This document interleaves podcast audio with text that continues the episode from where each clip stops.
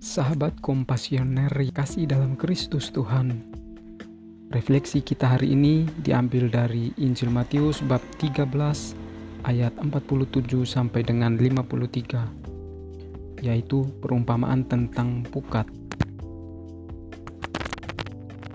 Apa yang dapat kita peroleh dari perumpamaan tentang pukat?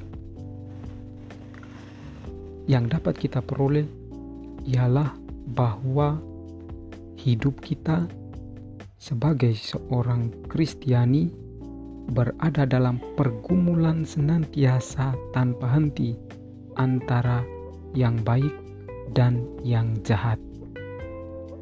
Kita boleh berbangga sebagai seorang Kristiani karena masa depan kita adalah kerajaan Allah atau kerajaan surga.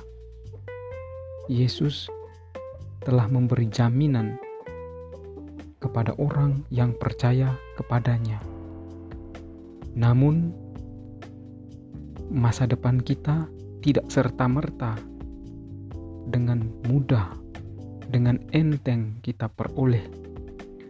Kita yang masih hidup, masih berziarah ini, masih dalam pergumulan untuk menjadi anak-anak kerajaan surga atau menjadi anak-anak ke kejahatan, anak-anak iblis. Dan itu kita tentukan dalam pilihan, dalam kata dan tindakan kita sehari-hari atas apa yang kita lakukan.